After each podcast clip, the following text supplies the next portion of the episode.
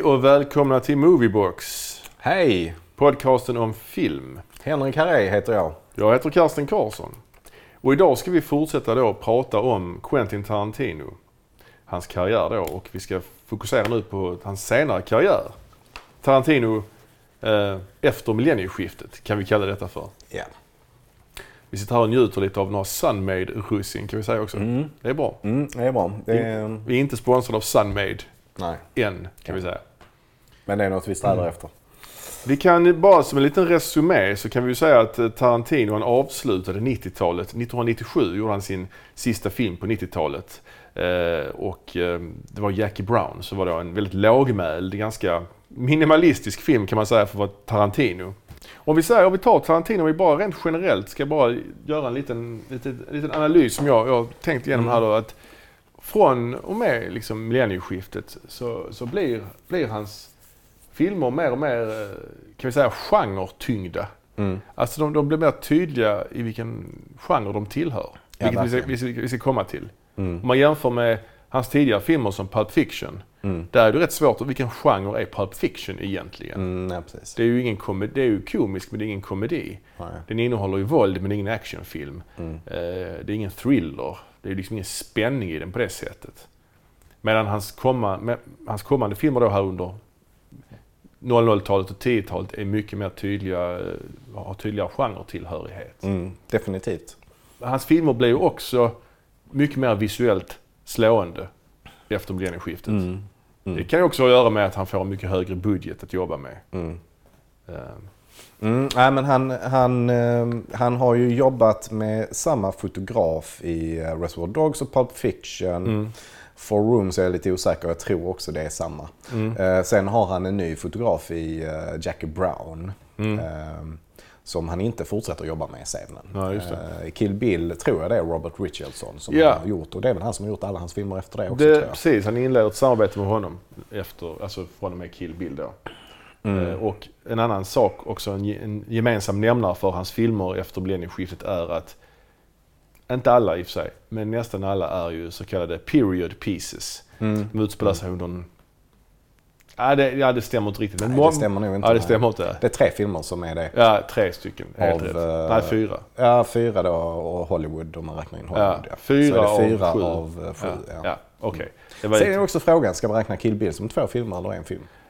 Ja, precis. Vi kom, vi, Mm. Ska man räkna Kill Bill som en eller två filmer? Han själv hävdar ju att det är en film. Mm. Han skriver ju liksom det är hans fjärde film. Men jag hörde någon annan sa att eh, jag anser att det är två filmer för jag betalade två gånger för att se den. Exakt.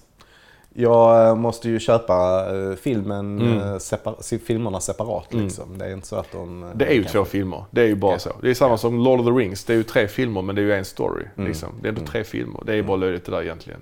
Mm. Men om vi ska börja prata om, om Kill Bill då, Mm. som kom eh, 2003. Mm. Och eh, det var alltså sex år emellan eh, Ja. Jackie Brown och det, Kill det, Bill. det kan man ju konstatera att det är ganska lång tid. Det är väldigt lång tid. Jag tyckte det, man tyckte också att det kändes länge mellan Pulp Fiction och Jackie Brown. Mm. Men mellan Jackie Brown och Kill Bill är det ju dubbelt så lång tid. Mm. Och det är sex, sex år. Och det har att göra med en del, av, en del med att göra med att han, han väntade in Uma Thurman. Han Mm. insisterade på att hon skulle spela huvudrollen. Men hon eh, blev gravid och skaffade barn och kunde ju inte göra filmen då Mm. på rätt lång tid. Och hon har ju också varit med och, eh, ja hon får ju credit i alla fall för att Mm. ha eh, tagit fram karaktären. Precis.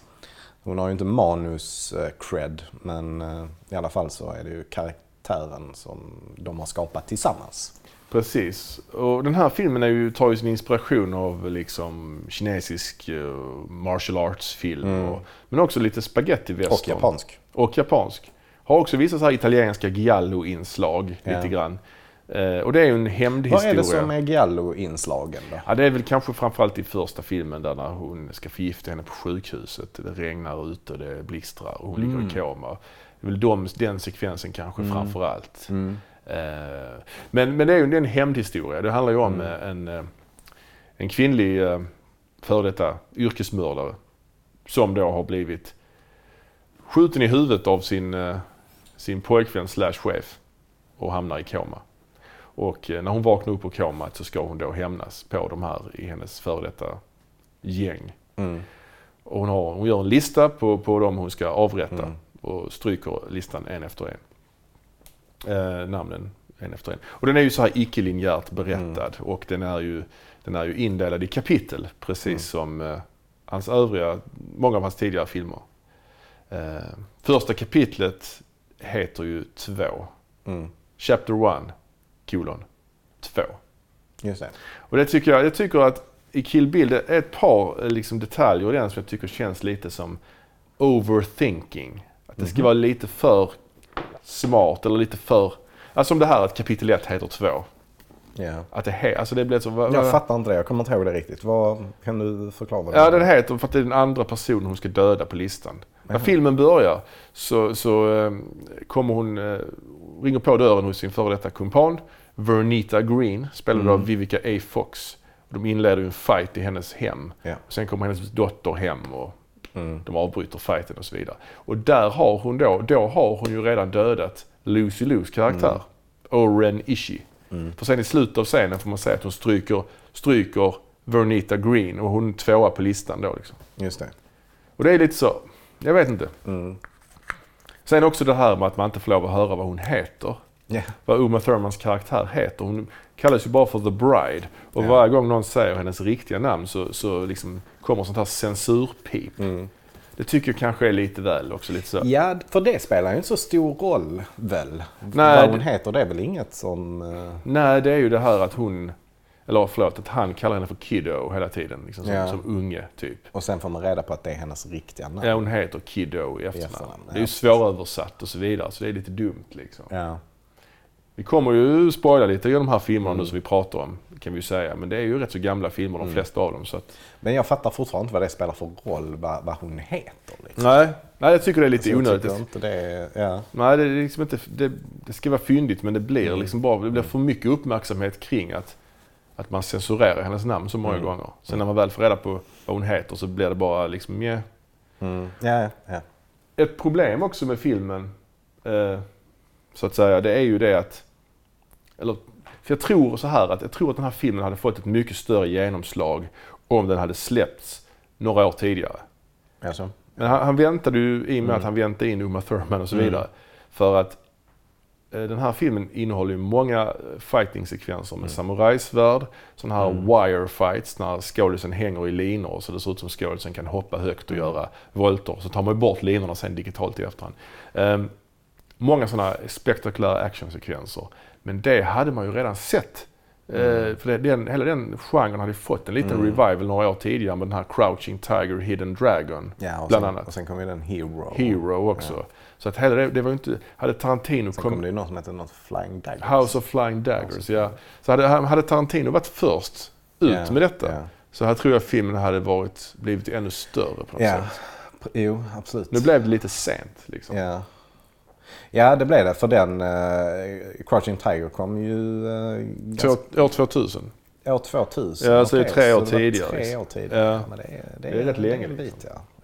ja. Ehm, precis. Ett annat problem tycker jag också i filmen egentligen, det är ju Alltså det är ju en hämndfilm eh, och actionfilm, Mm. väldigt actionbetonad. Eh, hon, ska ut, ut, hon ska utkräva hämnd liksom. Mm. Och det, jag tycker är ett problem i den här actionfilmen som många andra actionfilmer. Man är ju extra kritisk kanske också när det är Tarantino för man förväntar sig så mycket av honom. Men ett problem är ju att, att protagonisten, det vill säga Uma Thurmans karaktär, Mm. är ju så jävla kraftfull. Alltså hon, hon går ju igenom allt motstånd utan några Mm. större problem. Liksom. Mm. Det, det, det, det är ju... Det, det, det tillhör ju, jag förstår att detta inte är en, det är ju, detta är ju ingen realistisk film på något sätt naturligtvis. Men, men det blir ju ändå lite fight på fight. Mm. Och det, hon förlorar aldrig någon fight liksom. Fast eh, hon blev ju trots allt eh, i, i Kill Bill 2 blev Mm. hon ju trots allt skjuten och levande begravd. ju. Ja, i tvåan möjligtvis. Men i ettan Mm. tänker jag. Men i ettan, ja, alltså jag tycker ändå att hon... eh, Det är en ganska jämn fight med eh, båda, båda de stora fighterna hon är involverad i. Först med den här eh, Viper, eller vad heter hon? Vern, Vernita Green. Vernita Green. Mm. Ehm, det är ju ganska jämn fight ändå liksom, Ja, tycker okej. jag. Ja. Eh, och samma sak med Oren Ishii. Det är ju, hon får ju några liksom... Mm. Men då ska man komma ihåg att innan de möter Orin Ishii har hon precis dödat alla hennes henchmen. En hel armé av folk. Här, de här The Crazy Ja, den 88. armén. Ja, ja, man är ju rätt ja. mätt där efter det Ja. Liksom. Jo, Eh, absolut. absolut. Det hon. Och hon har haft en stor fight också med, med den här eh, eh, skolflickan med Ja. någon sån här konstig kul. Just det, Go Go Yubari. Ja, ja, ja precis. Ja, hon, hon, eh, hon, eh, hon är badass får man ju säga. Ja, verkligen. Men, men den här filmen, Kill Bill, den är ju verkligen en, liksom en, vad ska man säga? En hyllningsfilm till Mm. genren. Ja, det är en stil, stilstudie. i- Alltså den är väldigt liksom formmässigt eh, Mm. välgjord. Alltså, experimentell kanske på många sätt. Men det är intressant också tycker jag att den har ju många likheter med en annan film vi pratade om i förra avsnittet.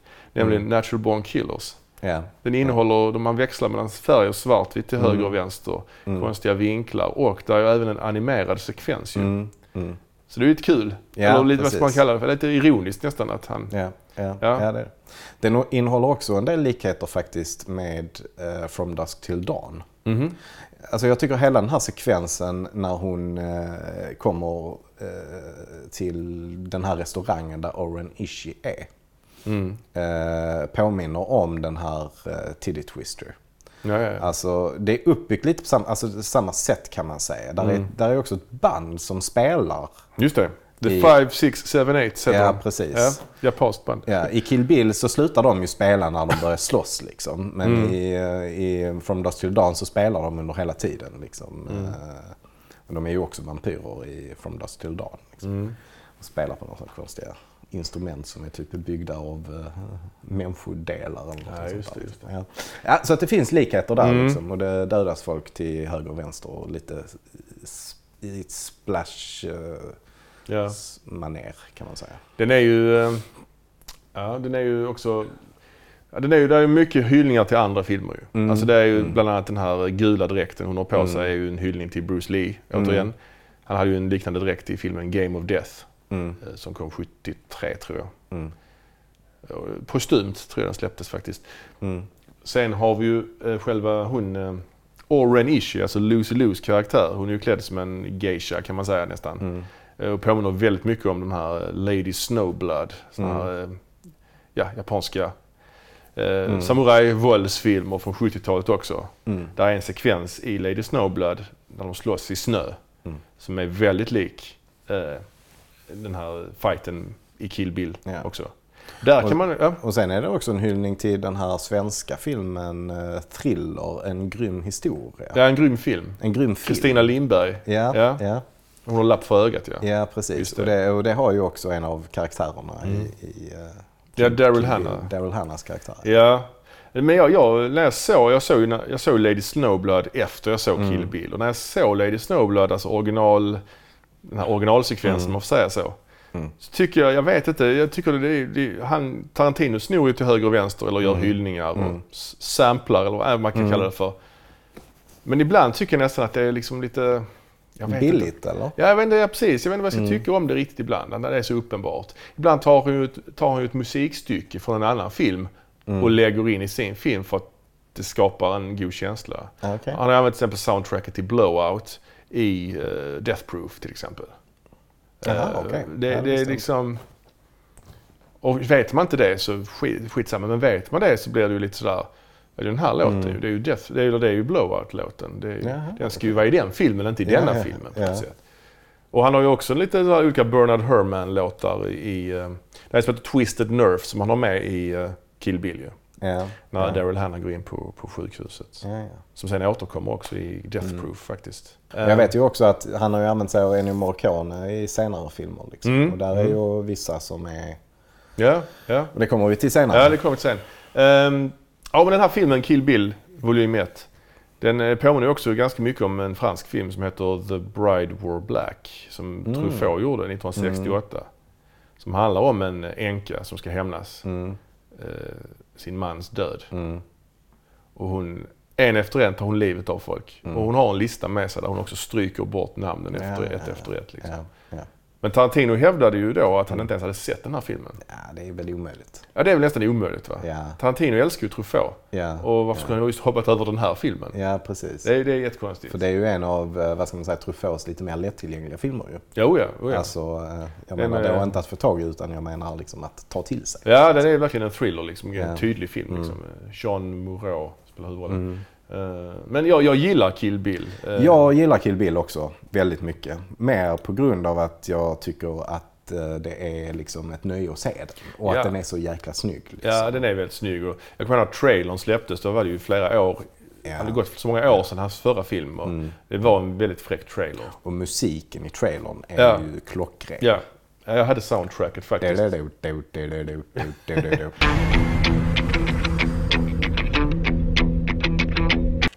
Without Honor or Humanity av Tomoyasu Hotei. Ehm, men eh, ja, Kill Bill eh, volym 1 följde han då upp med Kill Bill volym 2 som kom 2004, året efter. Han ville ju egentligen göra det här till en film. Men den hade blivit fyra timmar lång så det godkände inte filmbolaget. Det hade varit för svårt att få publik Ja, men till. han ville väl också att det skulle vara en, liksom en sån här med intermissions och sånt. Liksom. Det hade gått idag. Ja, det hade det Idag hade man kunnat göra en sån lång film med intermission och hela biten tror jag. Ta dubbelt liksom, eller... Mm. Ja, dubbelt så högt biljettpris liksom. Och, ja, men satsa lite mer på, Ja. på hela biobesöket liksom. Så Det är jag tror- det som är framtiden. Ja, kanske. Ja. Eh, jag tycker att eh, tvåan, den, är, den där tonar man ju ner eh, en del av martial arts-biten. Ja, det är ju inte alls lika mycket martial arts-referenser utan mer spaghetti-western. Ja, jag. precis. Den är lite, ja precis. Lite mer thriller-aktig. Mm. Eh, den börjar ju med ett intro där hon sitter och snackar in i kameran liksom. Bryter Mm. mot den fjärde väggen och gör, gör liksom någon slags resumé Mm. från, fi- för film 1 liksom.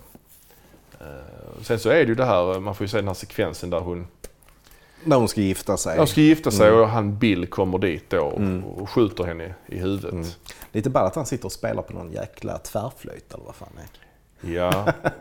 Det, det, jag, har, jag, har, jag har vissa problem med den här Kill Bill-historien. alltså jag förstår inte. Dels, hon flyr ifrån sitt sånt här gäng av lönnmördare. Mm. Det antyds ju också i, i Pulp Fiction så pratar man ju, Uma Thurmans karaktär i Pulp Fiction nämner ju att hon varit med i en tv-serie som handlar just om ett gäng så här kvinnliga mördare. Precis, så att det här finns ju med i eh, Tarantinos, eh, vad kallar man det för? Tarantino-verse. liksom.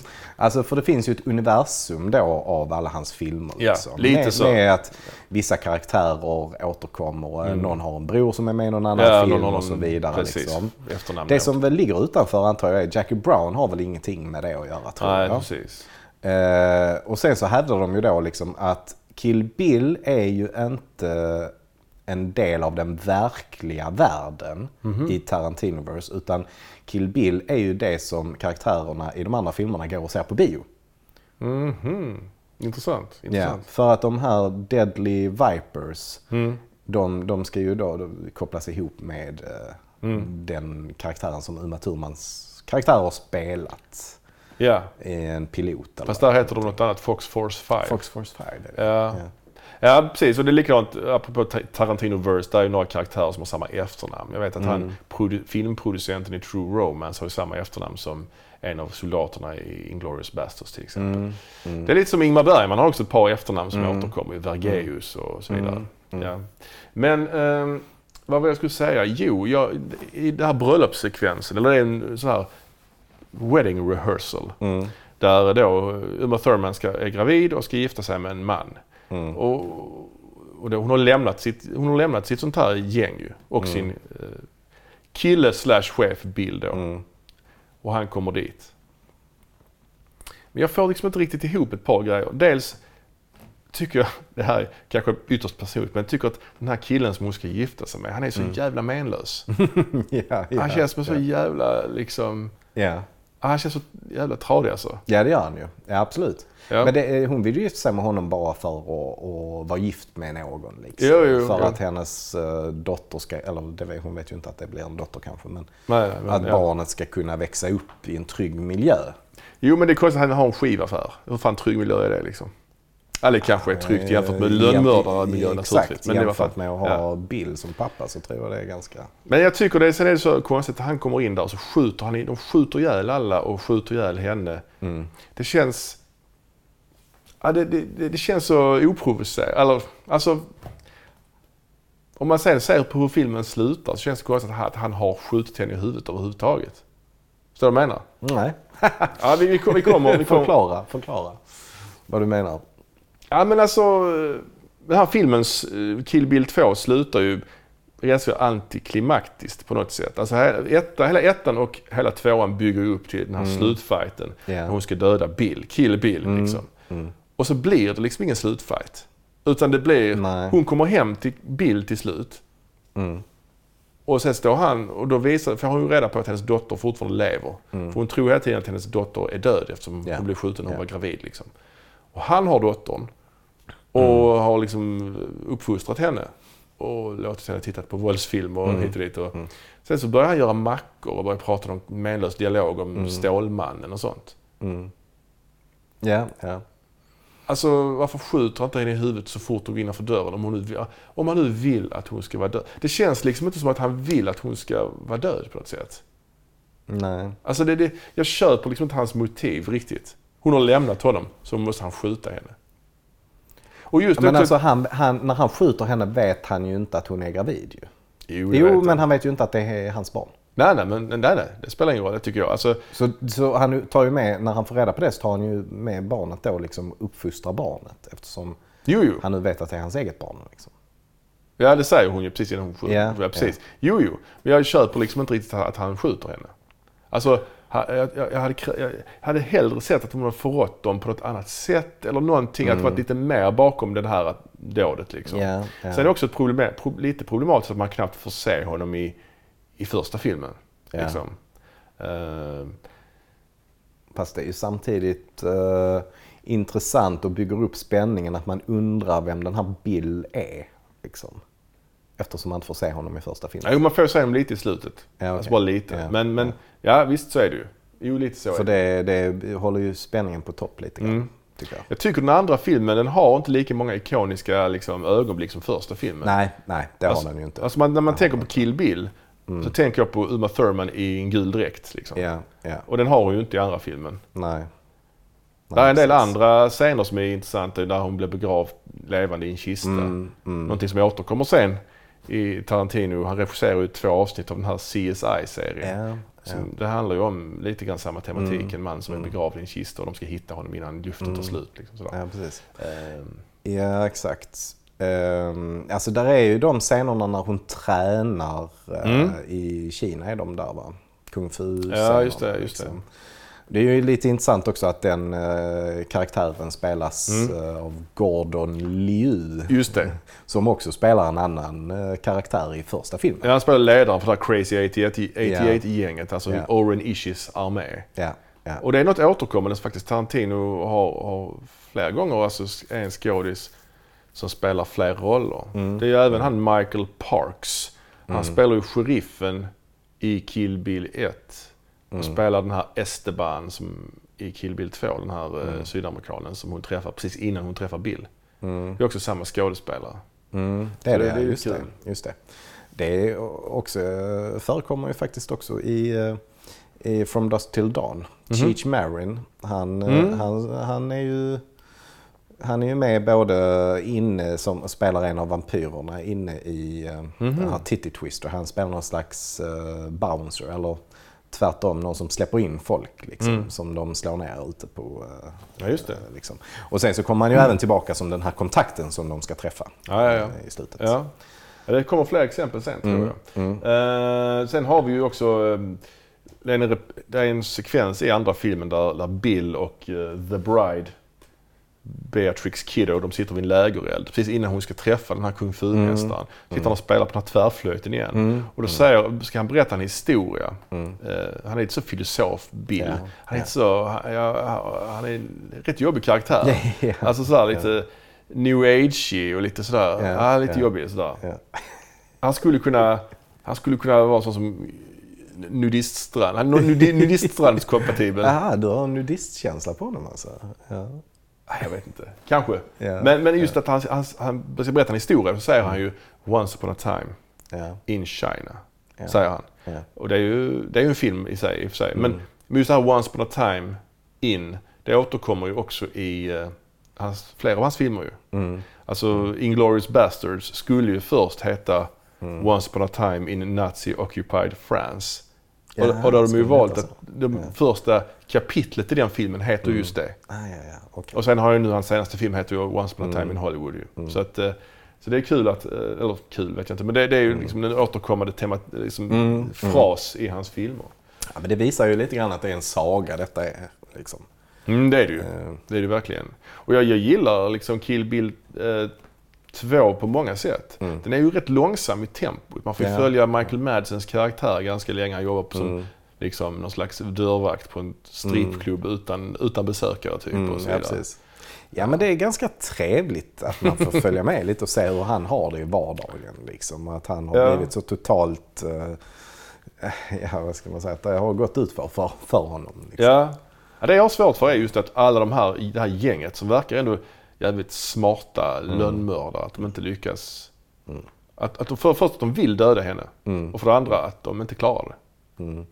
Ja, det, det, det tycker jag är konstigt. Men det är ju några riktigt minnesvärda scener. Mm, eh, det tycker jag. Alltså, jag tycker det är, det är häftigt när hon blir levande begravd. Liksom. Mm, det, det är starkt. Den paniken där liksom. Mm. Men att hon ändå uh, tar sig ut därifrån.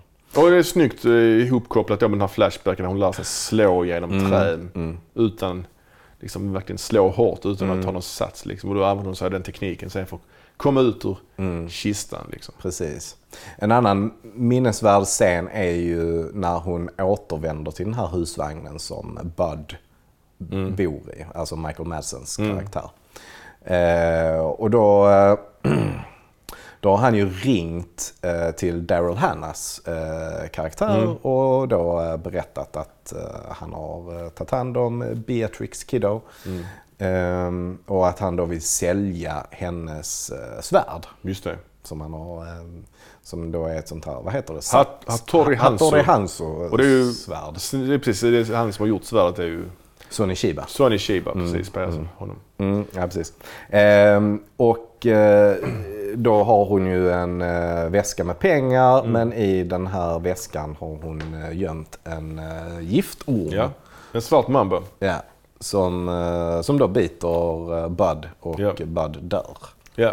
Eh, och sen så eh, dyker ju Beatrix Kiddo upp där och det blir en slags fight mellan henne och eh, Daryl Hannas Ja. karaktär. Eller rätt så cool, L Driver heter hon. Det är rätt Ja, cool, cool ja. Mm. fight för det är med, med den här husvagnen. De har så lite utrymme så de kan liksom inte ta ut svängarna så Nej, att säga. nej, precis. Ja, Nej, så- men den, den, är, den är riktigt, eh, riktigt coolt uh, koreograferad, Ja. den fighten. Och så berättar hon att hon... Den påminner ganska mycket om den första fighten ju med uh, Vernita Green. Ja det gör den ju. Mm. båda de scenerna tycker jag är schysst koreograferade. Ja. Och sen berättar ju hon, Daryl Hannah, att hon har förgiftat den här, eh, hans, hennes mästare. Mm. I killed your master. Det är ju sån klassisk liksom, Mm. grej i såna här filmer att någon har mördat någons mästare. Mm, ja, precis. Ja. Och sen eh, är det ju coolt att hon bara sliter ut henne. Hon har ju ett öga, bara sliter hon ut det andra ögat också. Ja, och sen bara trampar och Ja. mosar ögat. Precis. Eh, Men det coola är ju scenen, eh, eller det som händer precis efter det då. När hon får någon slags jäkla eh, panik liksom och blir helt galen, Daryl Hannah. Mm, just det. Alltså och bara skriker och fortfarande försöker eh, döda henne. Hon ligger och sprattlar lite grann som sin, hennes karaktär i Blade Runner gör, också. Ja, ja, Det är lite ja. kul. ja precis. Ja, jag, jag, eh, jag, jag gillar den, Ja. den scenen. Ja, jag gillar Kill Bill-filmerna. Jag är lite mer svag för den första filmen. Jag tycker den är mest Kill Bill om man säger så. Mm. Jag tycker filmen... Alltså jag, jag förstår att man inte ska eh, liksom gå analysera, analysera själva storyn för djupt. Men jag, Mm. om man tittar på det, själva Bills liksom, motiv tycker Mm. jag känns lite luddigt. Liksom. Och eh, sådär. Ehm, ja. Ja, jag köper nog det. Han pratar ju mycket om att han känner sig så heartbroken alltså, Mm. av, av henne. För att de, de var väl ett par, antar jag. Ja, ja, ja, Alltså, oh, ja, precis. Eh, och hon eh, bara försvinner och han har trott att hon var död. Och sen upptäcker han att hon eh, faktiskt lever och ska gifta sig. Så Mm. Och då dödar hon honom. jag förstår, Han honom. han dödar henne då. Ja men Ja. det förstår jag. Det, jag hade nog reagerat likadant. absolut, absolut. Nej, skämt åsido. Men, eh, Ja. men, men alltså jag kan ändå eh, förstå det. Ja, ja. Mm, ja. Så jag köper hans motiv. Ja. Ehm, Och sen så väljer de ju då, eller han väljer ju då att inte döda henne på eh, sjukhuset sen. Mm. För eh, Daryl Hannah är ju på väg och ska eh, förgifta henne. Ja, ja. Eller vad Ja. nu ska göra liksom, med någon spruta där. Men så tycker hon att hon är värd bättre. Ja precis, han tycker att så där gör vi inte. Vi, vi har trots allt en viss eh, hederskodex. Så att så gör vi inte. Ja, det är lite märkligt alltså. Ja men jag köper det också. Jag tycker det, det går ju, alltså jag förstår inte riktigt för att eh, när är detta? När ligger hon? Hon ligger i koma. Ja, De får reda på det rätt så... ja det- det får de reda på omgående ju. Ja, Att men hon sen, har överlevt liksom. ja, och sen bara låter de henne ligga i koma Mm. tills hon vaknar. Mm. De vänt, ja. Men det vet de ju inte att hon, om hon kommer att vakna eller inte. Det, Nej, nej. Det, jag, jag tolkar det som att de Ja. tror inte att hon kommer att Nej, vakna. nej, precis, precis. För att ungen är ju mycket större och så vidare. Ja, precis. Ja, nej, jag tycker det är konstigt hon är värd bättre. Och sen likadant när han, han väljer att inte dö, Bud. Han dödar henne heller inte utan han begraver henne levande. Okej, Mm. ja, det är, ju- lite, det det är är ju- lite konstigare liksom. Mm, nej, du, du har så vackert ansikte så jag kan inte skjuta dig eller något i den stilen. Ja, precis. vet. ja, varför skjuter han inte henne Mm. med ett riktigt uh, skott? Ja. Men ja, sen efter Kill Bill så var han ju med och hjälpte sin kompis igen, Robert Rodriguez. Mm. Han regisserar ju en scen i Robert Rodriguez filmatisering av uh, Sin City. Ah, okej. Där är ju den här, eh, ja, Sin City är ju en väldigt känd så här, seriealbum av Frank Miller. Svartvit, så här noirig. Som då eh, Robert Rodriguez gjorde en ganska lyckad filmatisering av. Mm. Eh, mycket green screen och han lyckades överföra estetiken från eh, liksom, serie till, till film. Och där är en sekvens där Tarantino har regisserat en dialogscen Mm. egentligen. Det är liksom inget sådär speciellt men ja. Och så gjorde han då de här två avsnitten av eh, CSI också däremellan. Ja. Ja, han följer ju upp Kill Bill-sviten med sin nästa film eh, som heter Death Proof. Mm. Som kom 2007. Mm. Eh, Death Proof är ju, ja det får man väl säga är hans minst kända film kanske man säger. Mm. Mm. Och objektivt liksom hans svagaste. Mm. Ja, det, det håller jag med om. Jag eh, gillar den ganska mycket Mm. faktiskt. Ehm, det är ju en lite smutsigare film. Mm. Han har ju själv fotat denna filmen också. Har han det? Jaha. Ja, det det, det har, han har fotat en, det är ju en slags hyllning till sån här grindhouse, så här B-filmer, våldsfilmer från Mm. 70-talet. Detta är väl närmast han gjort en skräckfilm egentligen kan man väl säga. Ja. Och vad är då Grindhouse alltså? Grindhouse är ju alltså liksom en B-filmsbiograf där man Mm. ser många filmer. Ja. Alltså double features. De visade ofta double features, Ja. alltså, så att det var flera filmer liksom. Ja. Eh, Och den här då, eh, Death Proof, den gick ju på bio i USA tillsammans med en Robert Rodriguez-film som heter Planet Terror, som är en slags zombiefilm. Mm. De gavs ut som en sån double feature då, som Grindhouse hette det då. Och då fick man eh, se två filmer till priset av en. Och till de här så gjorde de också en massa fake trailers till filmer som Ja. inte fanns. Bland, Bland annat Machete. Som Robert Rodriguez sen gjorde Sen filmer. gjorde både en och två filmer tror jag. Ja. Eh, och även då tror jag Hobo with a Shotgun, eller? Den finns också, jag har aldrig sett den trailern men den lär också ha funnits. Sen fanns det ju han eh, Rob Zombie gjorde en trailer som heter She-Wolf Women of the SS. Ah, ja, ja, en slags nazist-varulvsfilm eh, ja. med Nicolas Cage som Fu Manchu bland annat. Wow. ja, det fanns några, jag tror ja. vad hette han som gjorde, ja det fanns någon som hette Don't. Som var, och någon, Eli. Roth gjorde ju en Thanksgiving. Ja, ja. Som, som var någon slags slasherfilm som fredag den 13 fast Thanksgiving istället. Ja, ja, ja. Som var rätt, alltså rätt underhållande de här trailers. Ja, ja.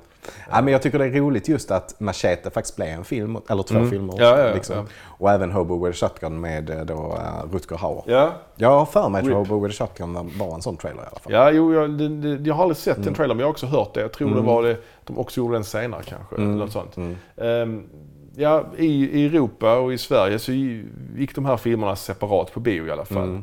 Mm. Mm. Och eh, Death Proof var ju då något längre. När den, Ja, vis, när den ja. visades som ensam film liksom. Mm. Mm. Det är en sekvens i filmen som eh, är svartvit. Mm. Som då inte är med i den här double feature-versionen så att säga. Ah, ja, okej. Det är därför den är svartvit alltså, för det har jag aldrig riktigt fattat. Ja. Liksom, varför den är... eh, Jag tycker det är lite konstigt att den scenen är svartvit. Ja, Och i den här sekvensen, i, alla fall, om det är i den sekvensen eller strax innan så är det ju naturligtvis så att det är någon kille som petar på en tjejs bara fötter. Ja, precis. Det är, ja, det är då sjukt. Kurt Russell då Ja. som spelar den här stuntman Mike. Liksom. Ja, exakt, exakt ja.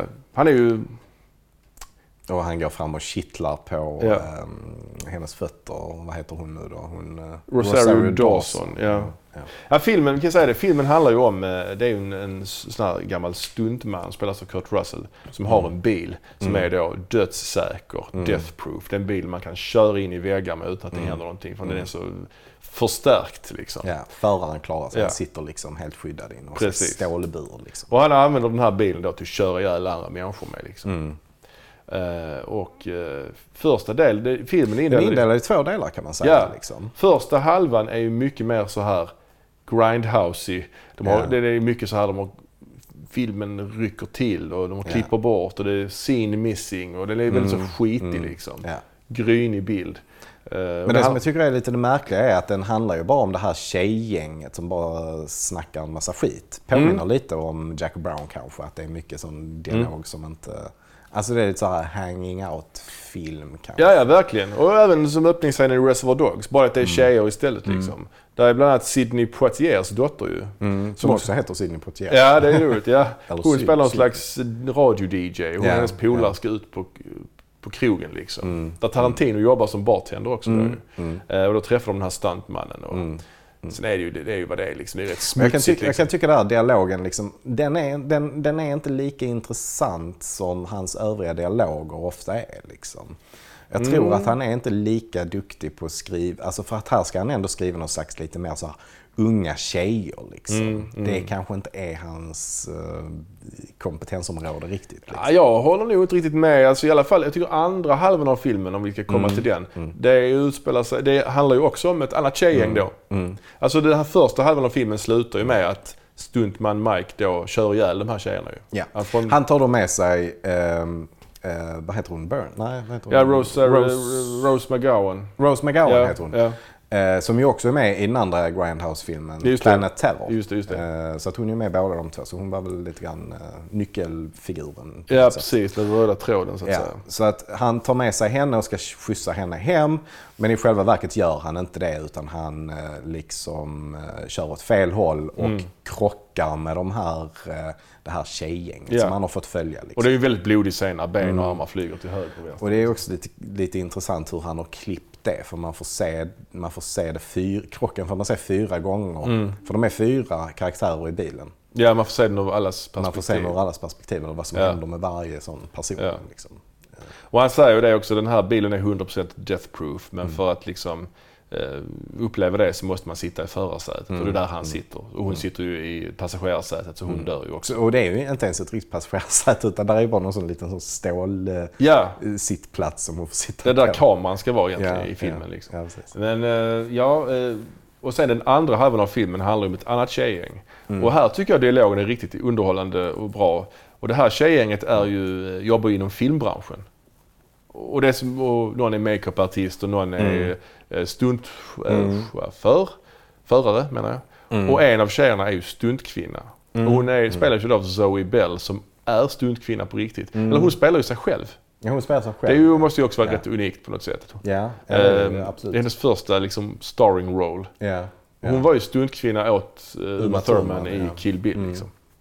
Precis, så det var så de lärde känna varandra. Liksom. Ja. Och de här tjejerna ska då åka, de åker ut och kollar på någon bil och så de provköra den här bilen. Mm. Och uh, Zoe Bell ska då uh, åka på motorhuven, på motorvägen. Mm.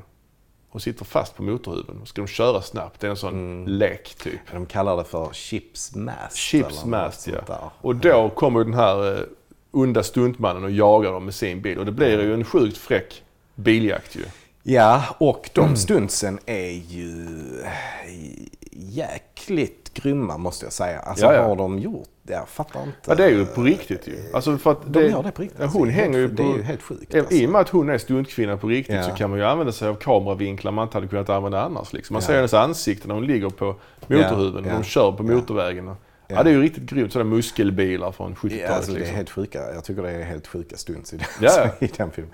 Men det är verkligen kul för att det är en film som hyllar uh, stuntmännen. Liksom. Alltså, eller stunt uh, skådespelers, skådespelarna. Liksom. Ja, ja verkligen. Och, och, och eh, är också intressant också man tänker Tarantino om man tar ur ett så att säga genusperspektiv. Mm. Alltså det var typ inga kvinnor med i Reservoir Dogs till exempel. Mm. Men eh, den här Death Proof är faktiskt hans fjärde film Mm. i rad med kvinnlig huvudperson. Mm. Eller kvinnlig protagonist. Mm. Mm. Både Jackie Brown och Kill Bill 1 och 2 och så den här Death Proof. Mm. Mm. Det är ju, om man ur det perspektivet Ja, så är det, ju, det är ju intressant Ja, ju på ja. något sätt. Eh, Stuntman Mikes karaktär är också intressant tycker jag. Alltså, Mm. hur, han, hur förnedrad han blir hela tiden. Liksom, och att det är det som på något sätt driver honom. Alltså, Ja, ja precis. Alltså man, man etablerar ju första halvan av filmen så visar man ju honom, då är han ju skitcool, han sitter i baren Mm. och så vidare. Och sen har han ihjäl alla de här tjejerna liksom. Men sen i andra halvan, det då, då, får han, då är det payback time liksom. Mm. Då möter han ju några som han inte riktigt Mm. möter han ju sina övermän, eller överkvinnor då så att säga. Ja, precis. Ja. Ja, det är en god, det är gött att se liksom, se honom liksom få igen alltihopa. Mm. Mm. Men, Och jag tycker också just i, i slutscenen hur när han... Eh, han, det, han blev ju vid något tillfälle skjuten eh, av, av en av de här tjejerna. Ja, liksom. just det. Och hur svag och mesig han blir då. Det är, Ja, han skriver why? Liksom, Ja, ja, han sitter ja, och gnäller liksom. Han får, ja, ja, verkligen Ja. så. Det är Ja. faktiskt... Eh, Hur kunde hon skjuta mig? ja, typ så här. ja, Ja, precis. Jag tycker det- är skitkul. Ja. Ehm, en annan liten sån komisk poäng är, är också när, när de blir påkörda vid slutet där också och Zoe Bell bara flyger bort liksom. Just det.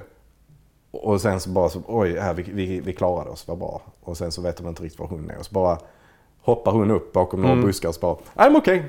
Ja, de gråter typ. De tror hon har dött. Ja, hon ja, har dött ju liksom. Ja, de är helt chockade liksom. Och, och så. så bara, det, Ja. det, är en, det, är en, det är en rolig men, men något, jag tycker det finns lite likheter med andra Tarantino-filmer. Alltså om man tittar på Reservoir Dogs. Mm. ehm, när Tim Roth har blivit skjuten. Mm. Så ligger han och kvider verkligen som en stucken gris alltså. Mm. Alltså det är ovanligt att, att liksom se det på det sättet. Liksom. att han Mm, det är bara ligger så och skriker. Liksom. Ja, just det. Ja. Alltså det, är och det, det, det påminner lite om liksom när, när Daryl Hannah blir av med ögat. Mm, Alltså det är mm, också mm. liksom hur, hur den scenen görs är också lite, lite speciellt. Liksom. Ja, ja. Och samtidigt här när han blir skjuten så, Ja, Kurt Russell, ja. ja, så Ja. skrik, skriker han ju också liksom som en... eh, Ja. Alltså jag tycker det är...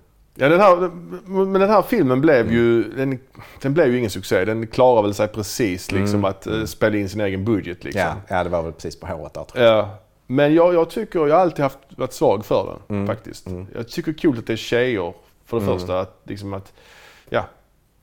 Den Mm. blev ju rätt så hyllad ur, faktiskt för det liksom. Mm. Eh, och det, jag tycker det är kul att se Kurt Russell. Mm. Han har inte gjort någonting coolt på rätt länge liksom. Nej. Så, så det var kul att se honom i en sån här Mm. roll. Som bad guy Mm. dessutom. Mm, ja, precis. Så det, det är lite Ja, men det var väl lite comeback, casting, kom, liksom. lite comeback för honom, Mm. väl, tror jag. Eh, och sen gör ju Tarantino också ett framträdande i denna. Mm. Ehm, Ja, inte så bra. Så nej, nej, han har ju tyvärr inte jättestor talang för skådespeleri. man Nej, det kan man inte säga. Ehm. kan man inte säga. Eli Roth gör också en liten roll. Ja. Eh, Ska, han är ju regissör också egentligen. Ja, Gjort ja. Hostel-filmen bland annat. Ju. Ja, precis. Och Tarantino var ju med och producerade Hostel-filmen så Ja. det var ju så de eh, Precis. eh, lärde känna varandra och sen har de ju samarbetat då. Eh, Eli Mm. Roth har ju varit med även i Bastards. Eh, Ja, ska vi prata om var- den? Som var nästa film. Ja, det kan vi göra. Inglourious Basterds är hans nästa film då. Som kom 2009. En film som han har liksom varit, haft, hade haft på gång väldigt länge. Mm. Liksom, och väntat med att göra. Så gjorde han den till sist då, 2009. Eh, och uh, Inglourious Basterds är titeln. Den är ju Mm. St- felstavad titel. Mm, För det finns ju en mm. annan film som heter The Inglourious Basterds också. Mm. Från 70-talet. Med eh, en svensk skådespelare. Bo Svensson. Ja, Som också är med i Kill Bill 2 ju. Ja, ja. Eh, och eh, det är ju även Fred Williamson är också med i den. Mm. Som är med i Mm. Dusk till Dawn. Mm. Eh, det är en italiensk så här andra världskrigsfilm. Mm. Lite så för- 12 fördömda män-aktig. Som Mm. handlar om någon som ska, de ska ta över ett tåg som Mm. nazisterna har. Mm. Så det är bara titeln som den har gemensamt. Och Mm. tematiken då att det är andra världskriget.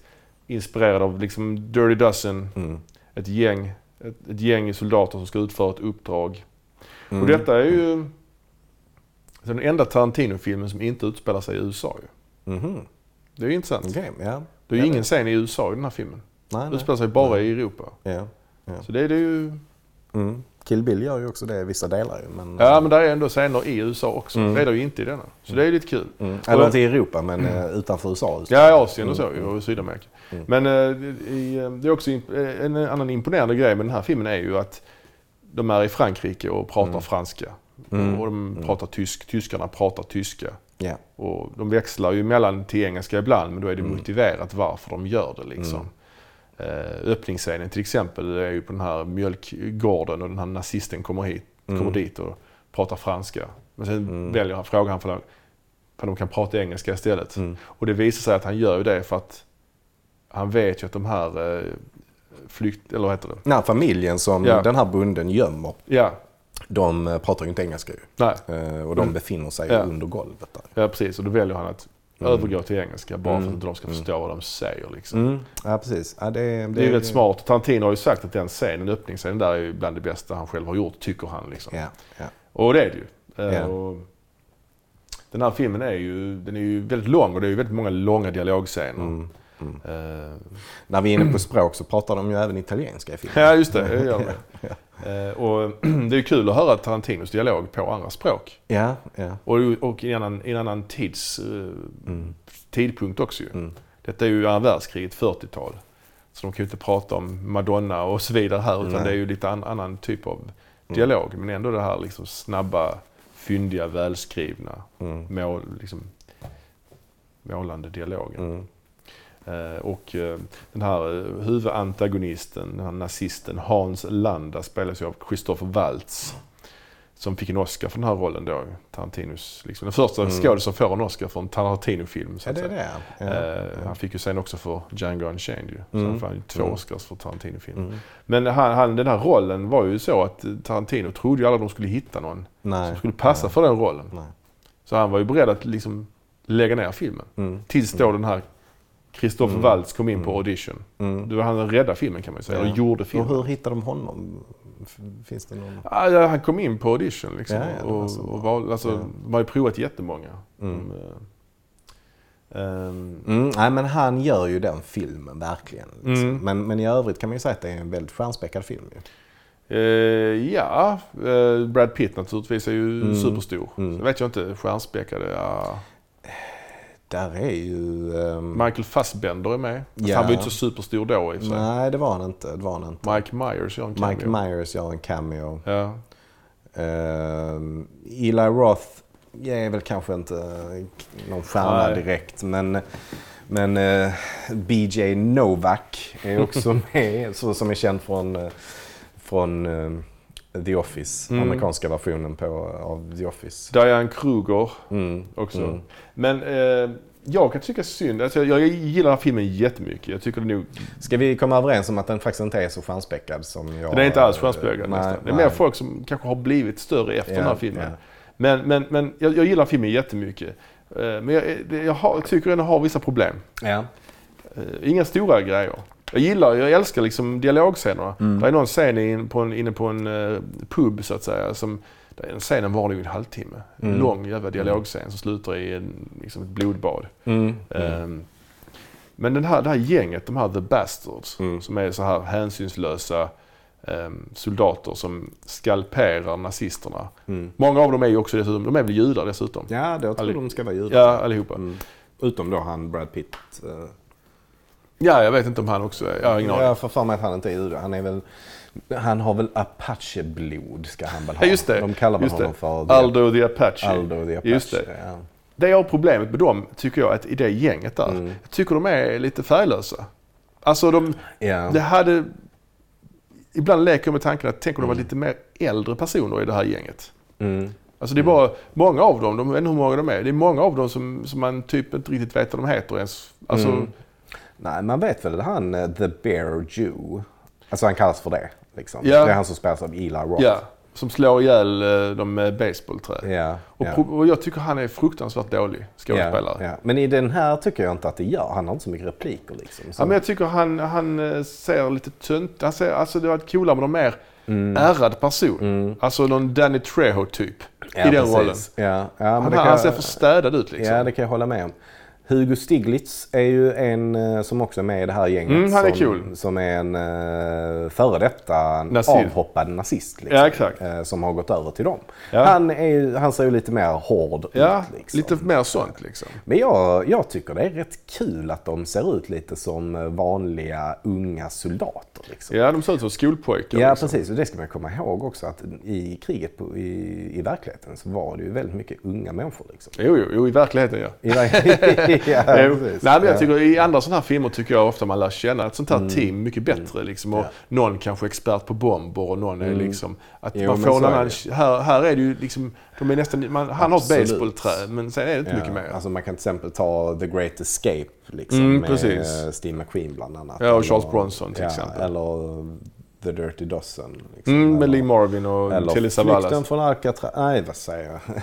Jag menar den här Örnnästet. Ja, Örnnästet med eh, Clintan och Richard Flykten Burton. från Alcatraz, vad kom det ifrån? Här kan jag tycka också att Brad Pitt, han är ju komisk och, och bra. Ja, ja. Men alltså när jag först, jag har haft, det tog några tittningar innan, jag tyckte, innan man liksom blev van vid det, att det var Ja. Brad Pitt. För jag tycker också han är för, liksom för ung och för snygg. Alltså Mm, jag liksom, mm. alltså, där har man hellre haft någon liksom också lite mer ärrad Mm, jävel liksom. Men eh, det, Jag håller inte med dig. Han Nej. har trots allt ett ganska stort ärr över hela halsen. Jo, jag vet, han har ju det. Och han är ju ändå ehm, i, i, i övre, eller över 50 ju när han gör den. ja, jag tror... Väl? Nej, det tror jag Nej, inte. kanske inte. Men Nej. när, närmare 50 i alla fall. Ja, det är han. Ehm, så att jag tycker inte han känns purung i den. Liksom. Men problemet är väl lite kanske, kan man tycka i så fall, om jag nu ska hålla med dig lite, så är det ju att det är Brad Pitt. Liksom. Ja, ja. Flickidolen Brad Pitt. Ja, men jag tror också att Tarantino, ja, detta är bara spekulationer, Mm. men jag tror också att Tarantino behövde en hit Mm. efter Death Proof. Jo. Och jo. eh, det är ju inte helt fel då att ta något stort namn. Nej, istället för att nej. ta någon sån avdankad Travolta-figur Mm. så valde han istället en superstjärna för att han behövde ett namn för att sälja filmen. Liksom. Mm. Det kanske inte hade funkat med liksom, Nej.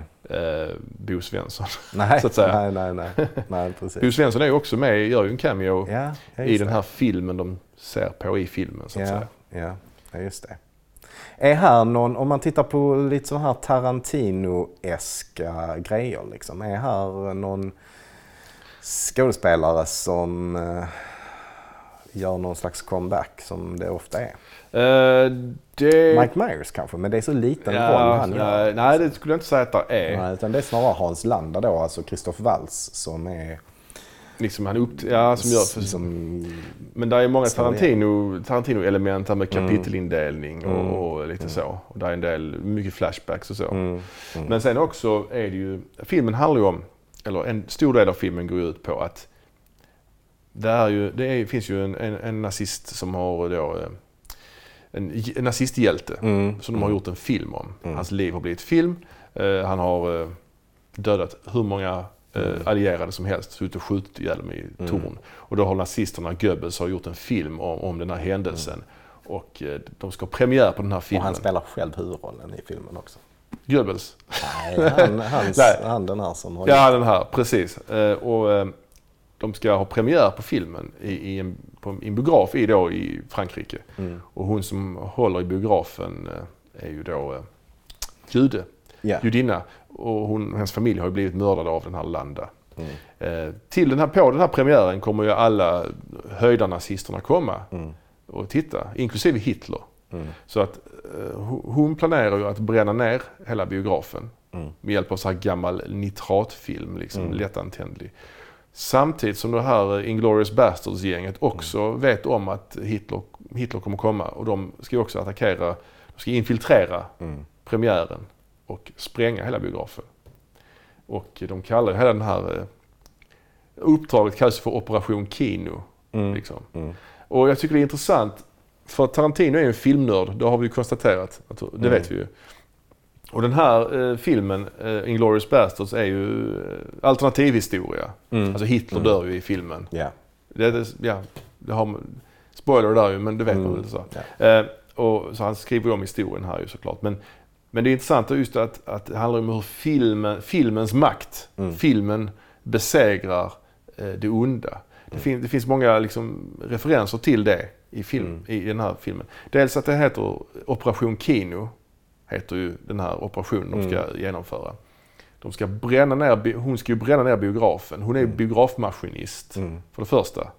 Och det är hon inte va? Är, hon har väl någon medhjälpare som är det? Eller? Nej, hon, hon och Ja, hon ja, hon är en annan kille. ja. ja. Och ska bränna ner hela bion med hjälp Ja. av nit- nitratfilm. Ja. Liksom så bokstavligt talat film liksom. Ja. Plus då att eh, en av eh, medhjälparna till The Bastards är ju, Mm.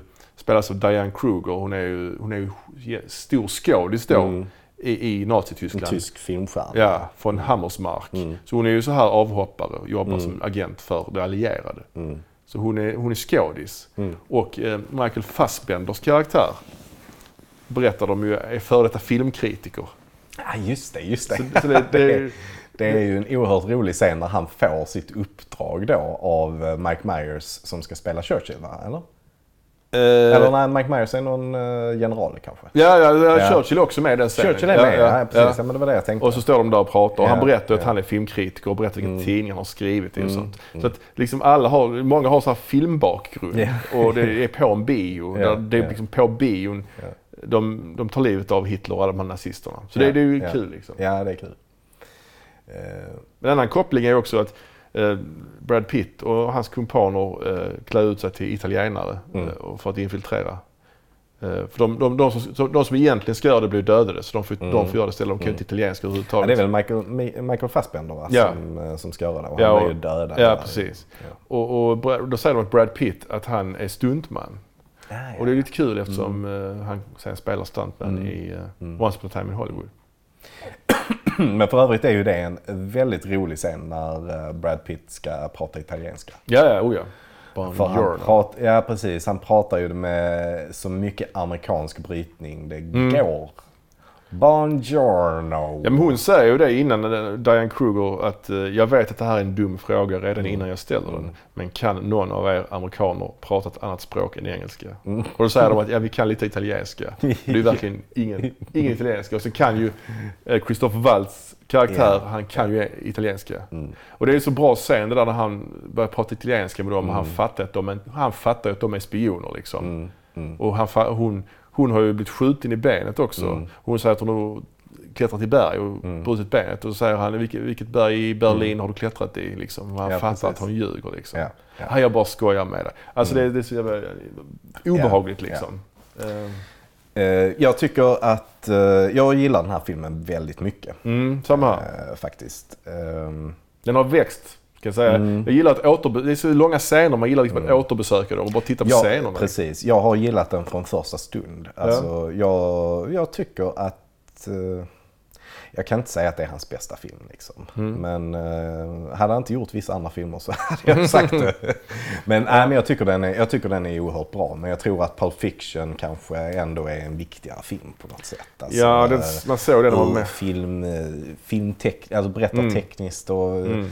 Vad den har gjort för filmhistorien, hur den påverkade allting annat då på 90-talet. Liksom. Men, Ja, ja. men bara som film så, så jag kommer ihåg när jag såg den. Eh, Bastards. eh, Bastards. Jag Ja. såg inte den på bio tror jag. Utan Okej. jag, jag såg den eh, senare. Mm. Eh, och direkt när jag hade sett den så såg jag den en gång till. Mhm. Eh, faktiskt. Ja, Det okej. är inte så många filmer man, Nej, man det gör det med. Ja, inte nu längre. Eh, Men jag, jag, jag gjorde det med denna. Mm, liksom. mm, Eh, Jag tycker att alla scener där Christoph Waltz är med, de är alltså elektriska på något sätt. Mm. Ja, alltså, ja absolut. man kan, man kan inte, det är sån, han skapar en sån spänning i scenerna liksom, Ja, som är helt otrolig. Ja, ja. Han är en fantastisk skådespelare i, i den filmen. Liksom. Ja. Eh, från första scenen där han förhör den här mjölkbunden, liksom, hur, hur hela scenen är upplagd. Mm, ja, alltså, verkligen, verkligen. Han levererade ju klockrent. Liksom. Mm. Eh, till scenen när han träffar då Shoshana som är ju den karaktären som flyr därifrån. När han senare träffar henne i Mm. Ja, den här franska staden. Hon känner igen honom. Eh, precis, hon känner igen honom och han... eh, ja, man vet väl inte ifall han känner igen henne men, Nej, just det. men han, han är jäkligt lurig i alla fall. Ja, när, det är han, när han beställer sån här eh, apfelstrudel som Just sitter det, och just det. käkar där. Liksom. Ja, det får man säga. Eh, ja, det är obehagligt. Och samma sak när han, när han, som det vi pratade om nyss, när han, när han träffar Brad Pitt och eh, Mm. från, eh, vad heter hon? Från Hammersmark. Från Hammersmark, ja det, precis. ja. Eh, ja. Ja, det, Fantastisk. Ja, och sen också en oerhörd respekt för publiken det här att Tarantino väljer att använda sig av liksom, originalspråken. Mm. Så att inte alla pratar engelska hela tiden. Det, det tycker jag är coolt. Det, är liksom, det, det tyder på någonting. Liksom, Och sen så tycker jag de, de humoristiska scenerna är, Ja. är jättebra. Jag tycker till exempel att det är hela den scenen också när de sitter nere i den här eh, källaren i den här tyska, eller den här puben liksom. Eh, de spelar någon slags spel, de ska ta reda på vem de är. De har Ja, just det, kort i pannan, ja, precis. liksom. alltså, och när då den här tyska officeren kommer på att han är King Kong. Jag Ja, tycker det. det, är, det är Ja. också jättebra skrivet liksom. Och Ja, ja, jättebra, jättebra spelat alltså. ja. Uh, ja, det, det, är en, det är en film som innehåller väldigt många olika moment. Liksom, och det är Mm. väl det som gör att man eh, kan återvända till den. Liksom. ja, verkligen. Ehm, ja, han gick... Men det blev ju en succé i alla fall. Oh ja, en eh, stor filmen. succé. En stor Hans- succé. Hans största succé blev det. Mm. Och han följde upp den med en ännu större succé. Ehm, eh, Django Unchained 2012. Mm. Som är en westernfilm. Mm. Så det är tre år senare då. Mm. En westernfilm. Western är ju en svår genre liksom, Mm. på något sätt. Det är ju en ganska omodern genre. Ja. eh, som, som har haft sin storhetstid för länge sedan. Ja. Men Tarantino har, gör ju en annan grej av det som Mm. han brukar göra. Han leker med genrer liksom och Ja. här gör han ju...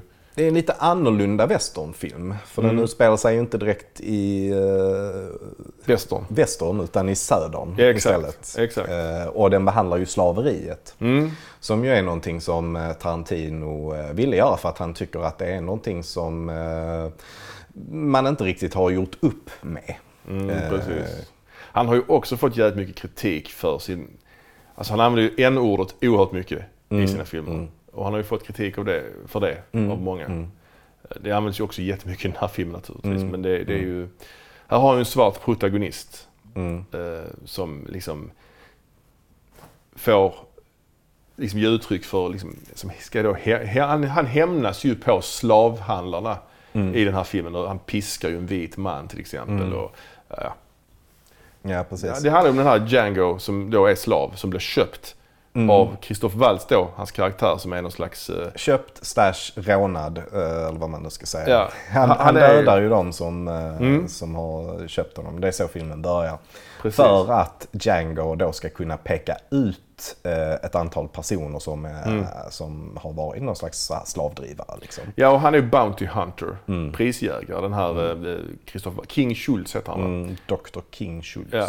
Och han, så han tar, tar, sig an, tar hand om Django och liksom har med honom som sin sidekick. Och han lär upp honom och han får träna på att skjuta och så vidare. Och, så. Och sen ingår då de någon slags, efter att de har gjort det här inledande, eh, liksom, eh, att de har skjutit de här som Django skulle kunna peka ut då, så ingår de någon slags pakt. För Ja. att Django berättar ju sitt livsöde då om att han är gift med en, eh, en annan slav då som eh, kan prata tyska. Brunhilde. Eh, Brunhilde ja. Eh, och då blir ju Dr. King Schultz väldigt eh, fascinerad av den här historien. För att han berättar ju myten om var Brunhilde kommer ifrån. Ja, det är precis. namnet så liksom. Och hans fru ska vi säga då är ju, är ju, han vet ju inte vad hans fru är. Hon har blivit Nej. såld till någon. Så de ska försöka hitta henne.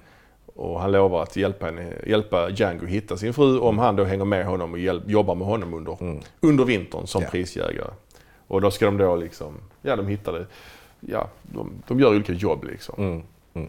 Ja, Jag tycker den här filmen den är, den är cool liksom på många, cool musik. De har lite så hiphop med ibland så att Mm, eh, liksom, mm. de bryter liksom eh, med ja, lite anakronismer där liksom. Men det blir Mm. coolt. Mm. Sen tycker jag vissa scener har jag lite svårt för. Det är en sekvens med några Ku Klux Klan-människor Mm. eh, som Don, träffas. Don Johnson Mm. spelar ju en, eh, Mm. en sån, eh, eh, vad heter det, ägare ja, en sån plantageägare. Liksom. Spelar jävligt bra tycker jag. Mm. Kul att se honom i en sån roll. Ja, Precis. Eh, det är väl inte Ku Klux Klan egentligen ska jag väl säga. Detta är väl innan Ku Klux Klan fanns tror jag. Ja. Det är någon slags ja, lynch, lynchmobb kan vi kalla dem för. Ja, som har så här säckar över huvudet. Mm. Och så är det någon som upptäcker man att hålen är fel och sånt. Mm. Alltså, den, just den scenen, det, är så upp, den är lite pajig tycker jag. Det känns lite som, det känns, jo, alltså jag har sett den förr, typ. Fast Mm. inte i, i Mm. en Tarantino-film. Att det, det känns för mycket komedi, tycker Mm. jag. Mm. Och jag tycker den här filmen är lite för lång. Så att den scenen Mm. har man kunnat skippa liksom.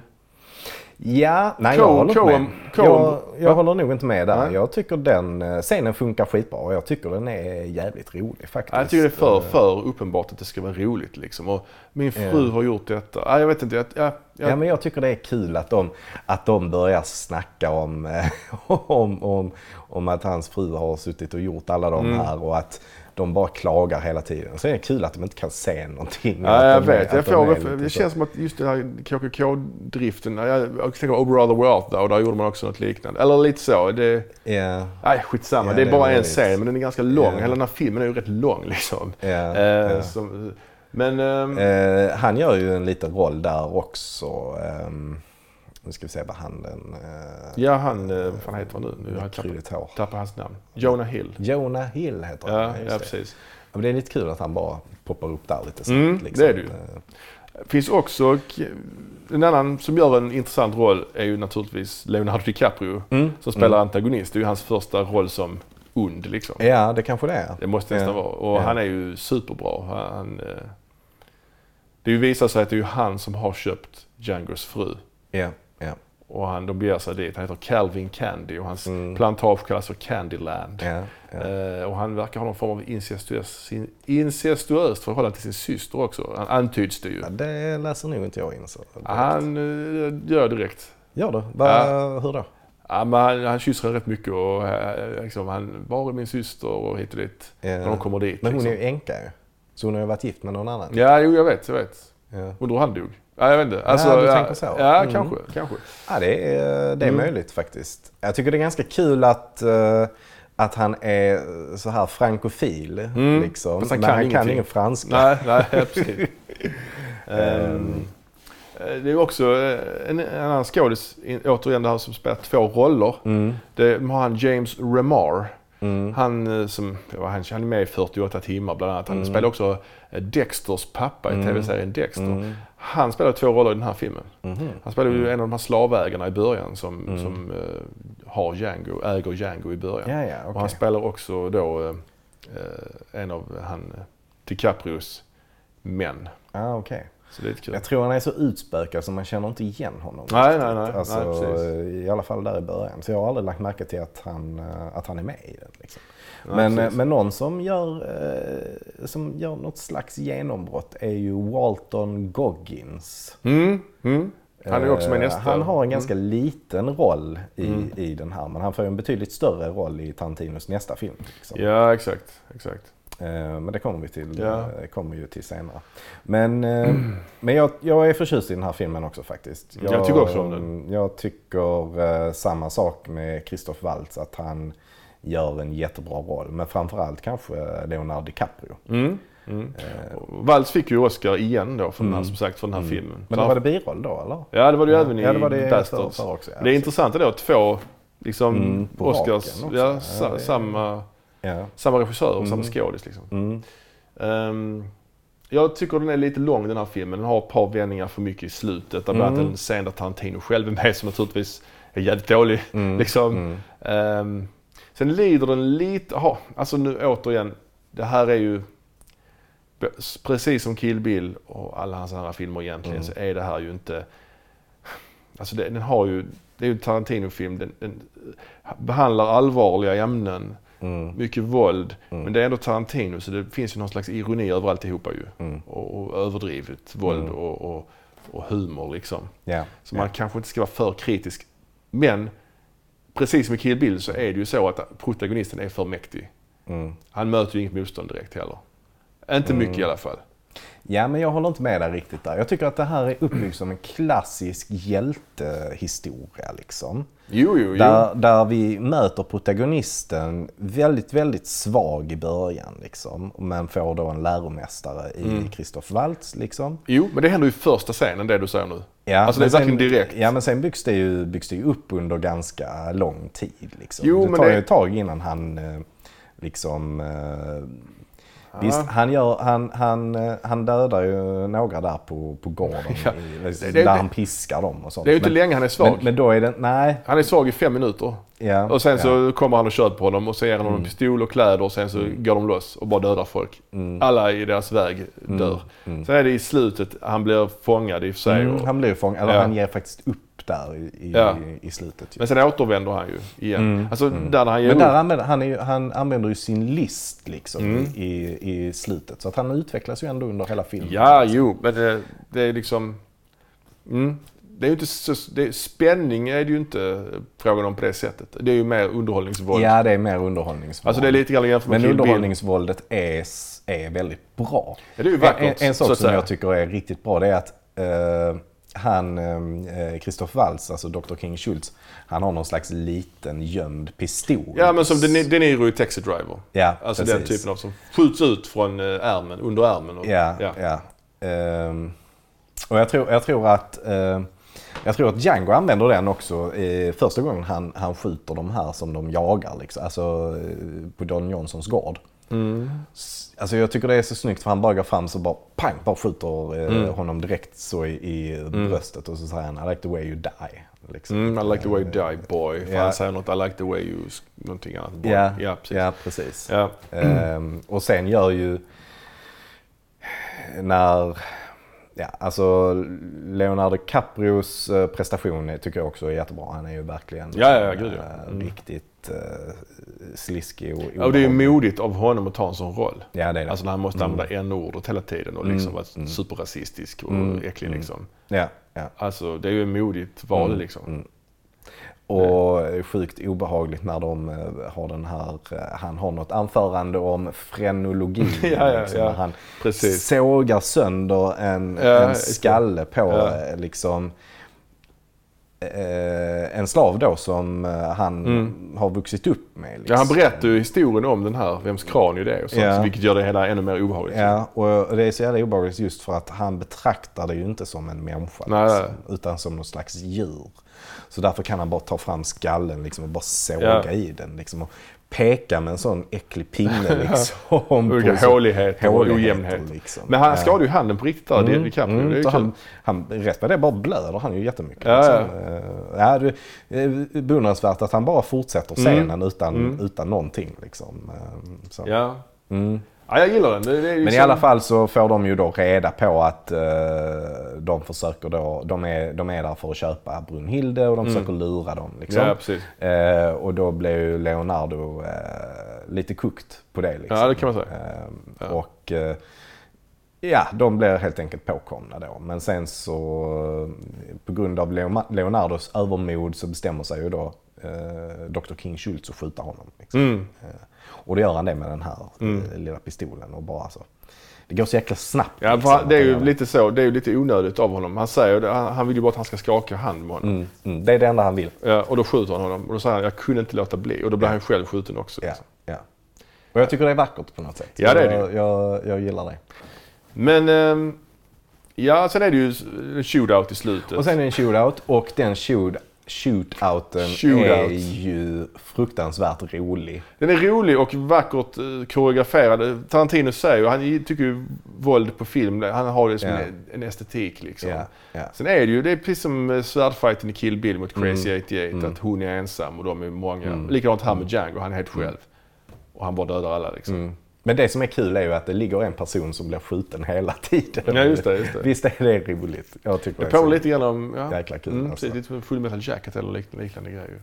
Fast det är inte kul där, men det är... Ja, Ja, nej, jag, jag kopplar inte ihop det alltså, Nej, nej. på det sättet. Men, men nej, jag tycker det är kul att han bara ligger och kvider och blir skjuten hela tiden. Liksom. Och det bara stänk och blod överallt. Mm. Alltså det är vackert liksom. Det är väldigt snyggt gjort. Ju. ja. Ja, jag gillar den här filmen också. Eh, men jag tycker den, har, den är lite för lång. Det blir några vändor för mycket i slutet. Tycker kanske att eh, Django kunde haft, eh, kunde varit, haft några fler dimensioner på något sätt. Alltså det är han, han, eh, han är ju huvudpersonen men ändå är han en någon slags biroll eftersom det är King Schultz som, som för dialogen mycket. Mm. Django säger ju inte jättemycket. Direkt. Nej. Jag får mig Will Smith tackade nej till den här Mm, det rollen. stämmer. Just för att det inte var huvudrollen tyckte han. Liksom. Ja, precis. Och eh, så tror jag att eh, Will Smith vill... eh, Eller jo, det är väl huvudrollen. Django Jo men, han såg, Men- jo, men han såg inte det som huvudrollen. Och det är på grund av att han inte skjuter Leonardo DiCaprio. Ja, okej. Det var Ja. det som Will Smith ville. Att Ah, de skulle okej. skriva om det så att han sköt Leonardo DiCaprio. Ja, ja, ja. Tror jag. Ja, okej. Ja. Ja, ja. ja men, det, var nog andra anledningar till Jag tycker det är bra att Jamie Foxx eh, fick Ja, det, var, det är ju jättebra att han, Ja, att han ja. fick ta det. Liksom. Ja. ja. Han följer då upp Django Unchained och det här är ju ganska anmärkningsvärt att han följer upp en westernfilm Mm. med en westernfilm till. The Hateful Eight som kom 2015. Som också är hans Mm. åttonde film och heter The Hateful Eight. Mm. Lite kul ju. Mm. Ja, Eller det är ju egentligen hans nionde film. Men han tycker själv det är hans åttonde Ja, film. precis. Ja. Han räknar Kill Bill som en film. Ja, ja. Men här har han fel, har vi ju sagt. Ja. Ja. Hateful Eight, den är ju, påminner ganska mycket om Reservoir Dogs i och med att det är någon slags kammarspel ju. Ja. Utspelar sig i en stuga, mycket av Mm. filmen liksom. Och Mm. det är åtta personer. Mm. Som- Det är väl, den är väl uppdelad lite grann i två delar kan man säga. Dels eh, är det då på vägen till stugan Mm. och sen när de är inne i stugan. liksom. Ja. Och eh, soundtracket är ju gjort av Ennio Morricone. Mm. Eh, han fick en Oscar där för det. Mm. Hans första Oscar. original soundtrack. Ja, fast Men de har även med lite eh, gamla eh, Ennio Morricone. Ja, bland annat har han använt sig av oanvända eh, stycken Mm. från The Thing, Carpenters Mm. The Thing. Mm.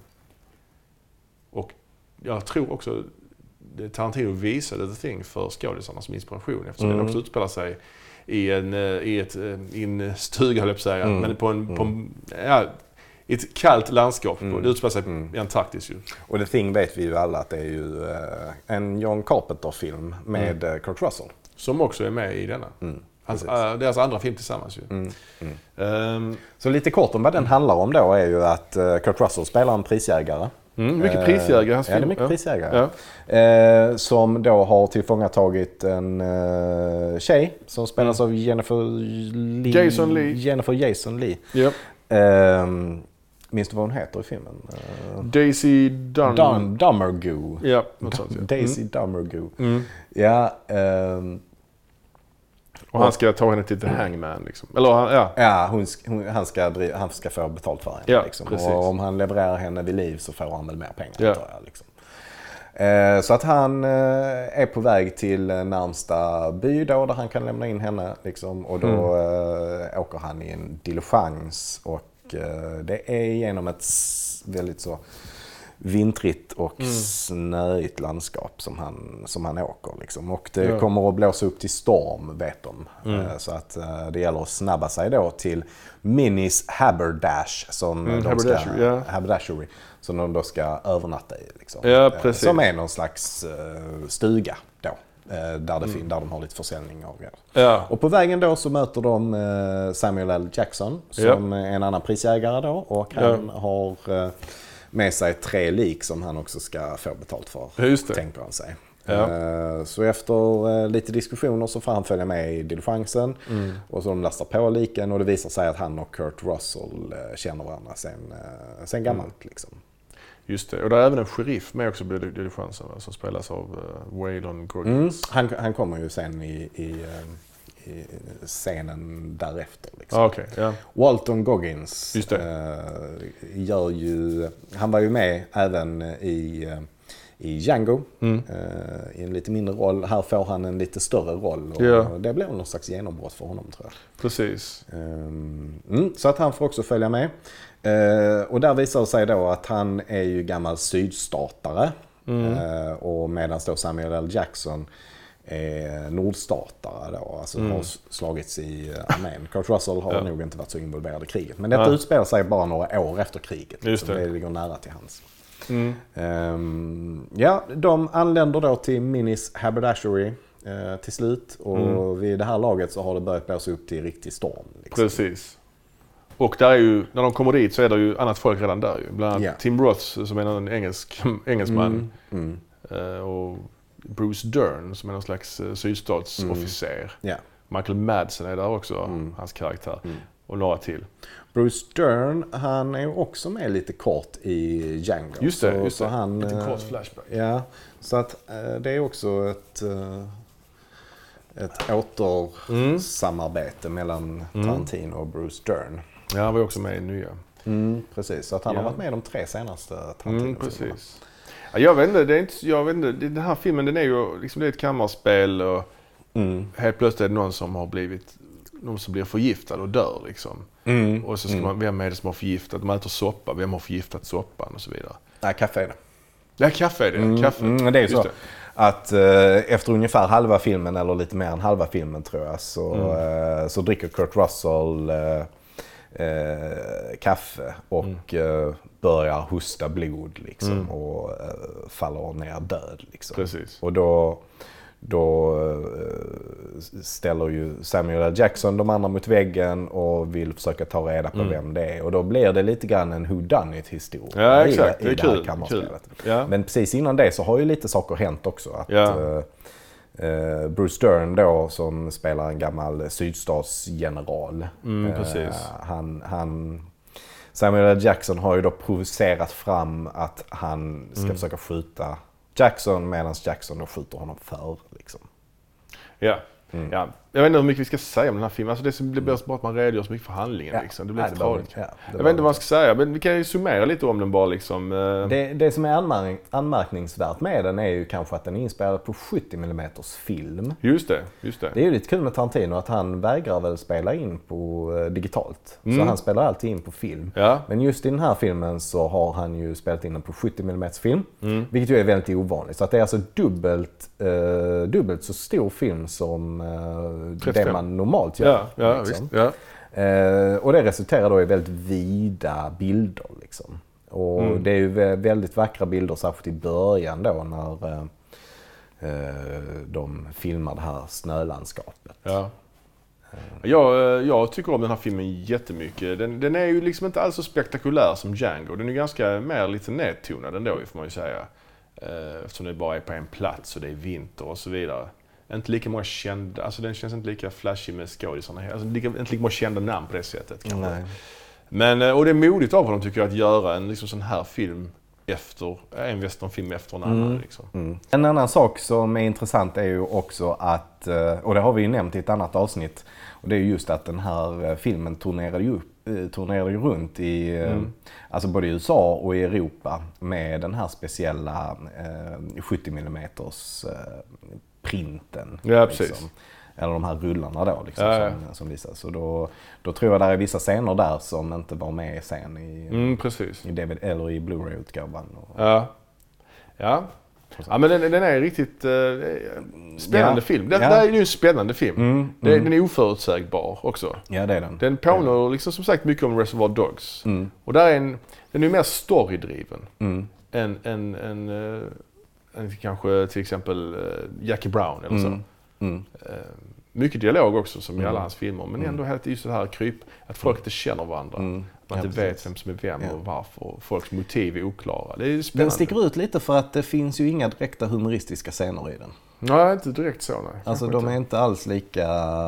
Nej. I alla hans andra filmer så finns det liksom Mm.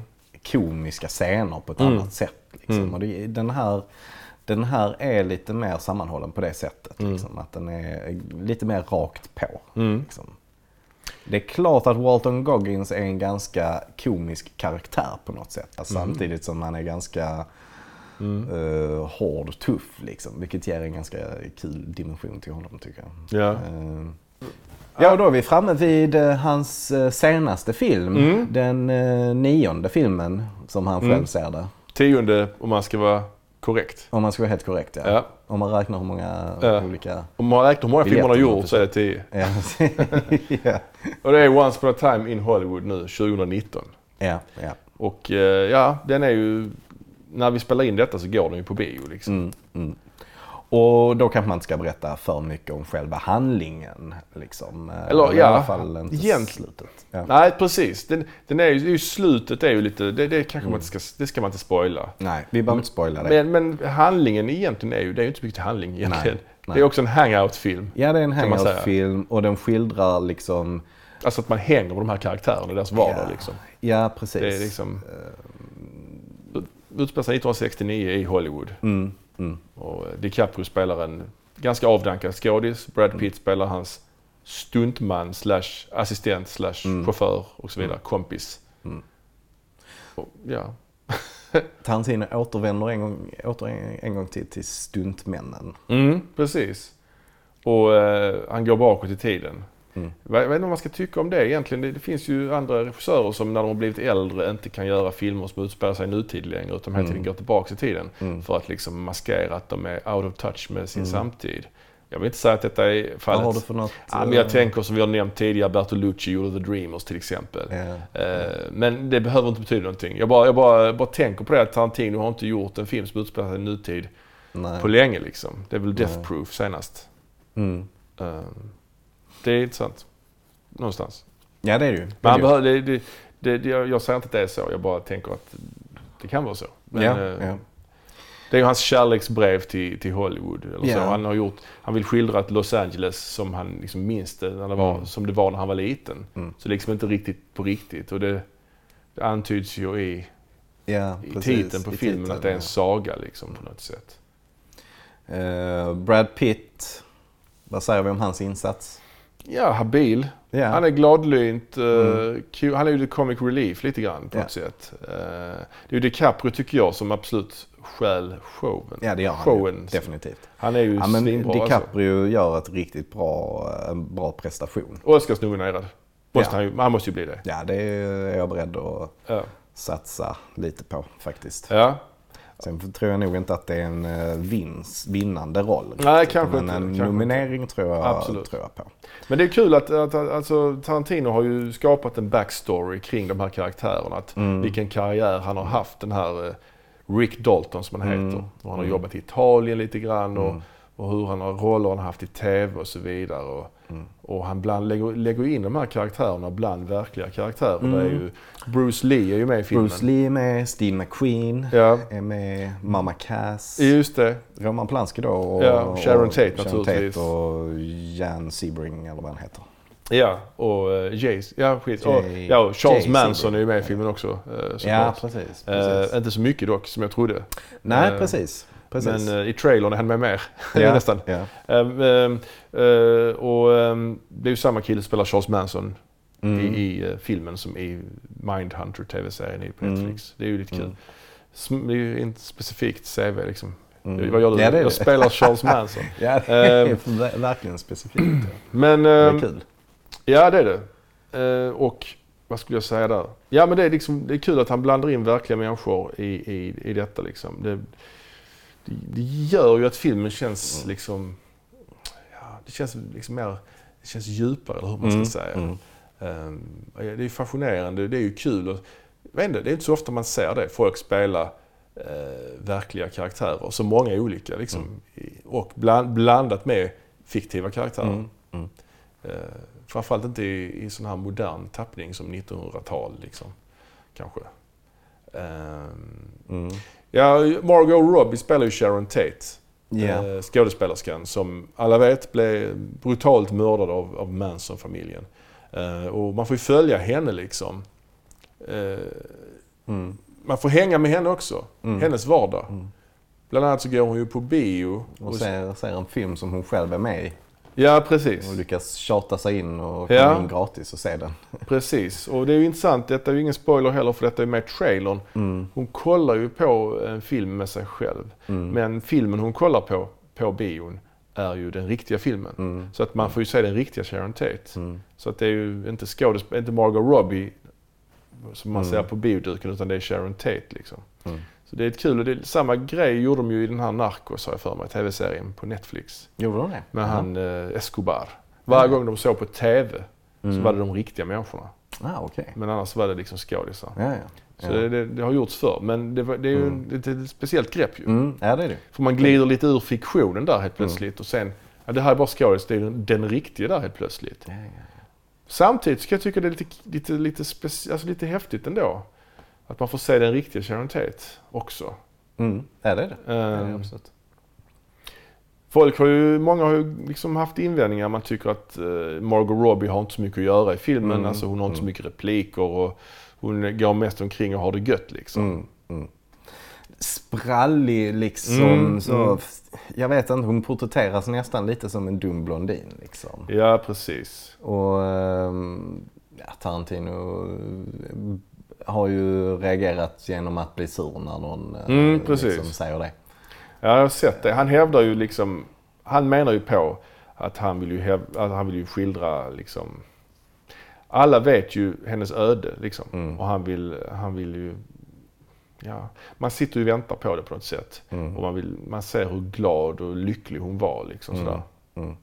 Antyds också liksom att hon har någon slags förhållande med eh, Jay Sebring. Gör inte det?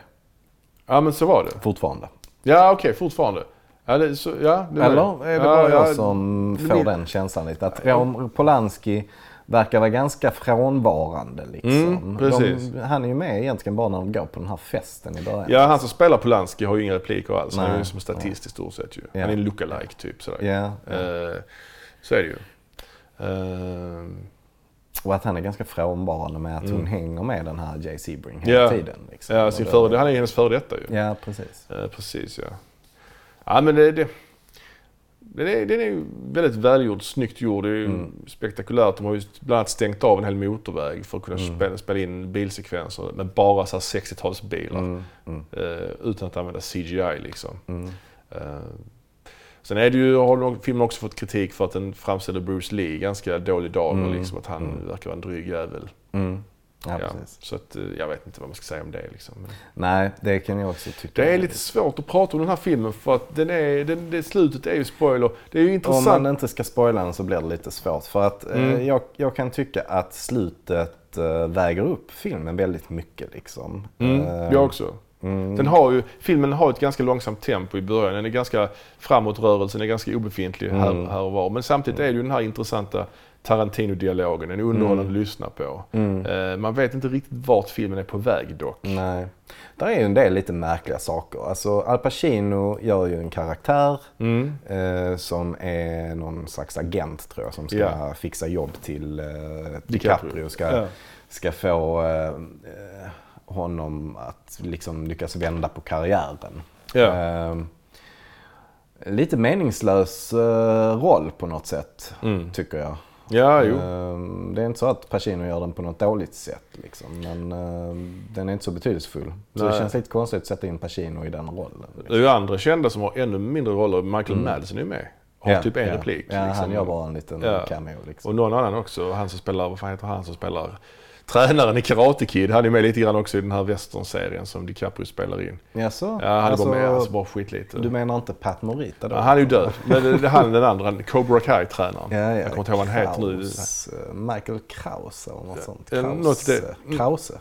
Är inte det? Ja, heter inte Kreese, är det hans karaktär i Karate Kid? Jo, det är det. Ja, skitsamma. Ja. Men han är med också. Luke Perry gör en liten roll också. Ja, Hans ja. sista roll för övrigt. Han Ja. avled ju sen. ja, precis.